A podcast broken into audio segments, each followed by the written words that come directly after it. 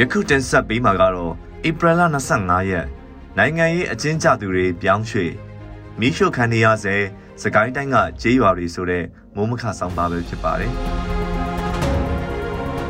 စစ်အာဏာသိမ်းတာကိုစန့်ကျင်သူတွေကိုစစ်ကောင်စီကစံချိန်တင်ဖမ်းဆီးမှုတွေနောက်မှာအကျဉ်းထောင်တွေကအမိန့်ချပြီးတဲ့အကျဉ်းချသူတွေကိုနေထောင်တွေကိုခွဲပြီးပို့တဲ့အဖြစ်အပျက်စတင်လာပြီဖြစ်ပါတယ်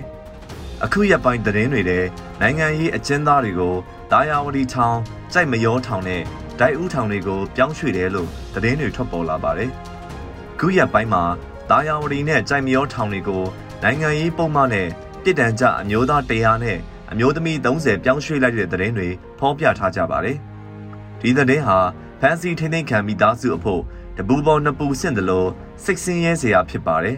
။မိသားစုအနေနဲ့ အချင်းကြခံနေရသူကမိမိတို့နေထိုင်တဲ့မြို့အချင်းထောင်မှာအချင်းကြနေခဲ့ရင်ခရီးစရိတ်နဲ့အချိန်သီးသန့်များများအကုန်ခံစရာမလိုပဲတလမှနှစ်ကြိမ်ပစ္စည်းပို့နိုင်ပေမဲ့နေမြို့ထောင်တွေကိုရောက်သွားတဲ့အခါသွားလာစရိတ်နဲ့ထောင်ဝင်စာပို့ဖို့ခရီးသွားရတဲ့အချိန်မှာပေးရမှာမို့လားနဲ့ချီမှသာတောတွေ့နိုင်မယ့်အခြေအနေမျိုးဖြစ်လာပါတယ်။အရင်စစ်အစိုးရလက်ထက်မှာတုန်းကလည်းနိုင်ငံရေးအကျဉ်းသားတွေကိုနိုင်ငံအနှံ့အပြားကအကျဉ်းထောင်တွေစီ ဖြန့်ခွဲပြီးပို့ခဲ့တဲ့တာရကတွေရှိပါတယ်။အဲ့ဒီခေတ်ကမိသားစုတွေခဏခဏထောင်ဝင်စာတွေ့ဖို့မလွယ်ကူအောင်စစ်အစိုးရကတမင်တကာဗျူဟာအရခွဲထုတ်ခဲ့တာဖြစ်ပါတယ်။အဲ့ဒီကာလကထင်ရှားတဲ့တက်ကြွလှုပ်ရှားသူចောင်းသားခေါင်းဆောင်တွေကိုဝေးပေသွားရလာရအခက်အခဲဆုံးထောင်တွေကိုပို့ခဲ့ကြတာဖြစ်ပါတယ်။မြန်မာနိုင်ငံအလဲပိုင်းမြင်းချံကလေးမြောက်ပိုင်းဗမော်အရှိမြောက်လာရှိုးတို့တွေကိုပို့တယ်လို့ရခိုင်ပြည်နယ်ကဘူးတိတောင်ထောင်တို့လိုရှမ်းအရှိကမိုင်းဖြတ် မိုင်းပြင်းမြောက်ပိုင်းအစွန်မြကြီးနာဘူတာအို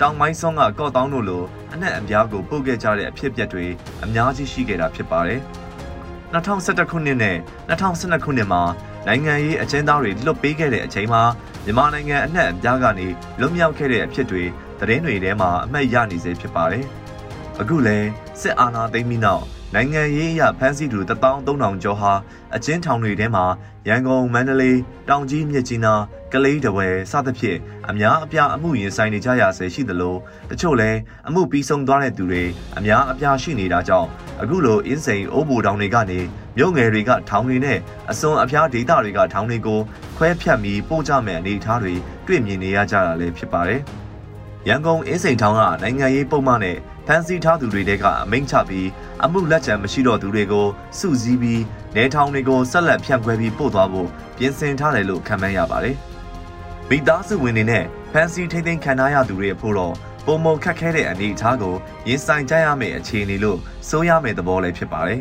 ။ဒီကနေ့အဖို့အခြားသတင်းတစ်ပုဒ်ကတော့တနစ်တာလုံးမှာအပူဆုံးရာသီဥတုကာလနွေရာသီအလဲဧပြီလလိုကာလမှာ PDF လက်နက်ကင်လှုပ်ရှားရာဒေသတွေဖြစ်တဲ့စကိုင်းတိုင်းနဲ့မကွေးတိုင်းအထက်ပိုင်းတွေမှာဂျေးရွာတွေကိုစစ်ကောင်စီတပ်တွေက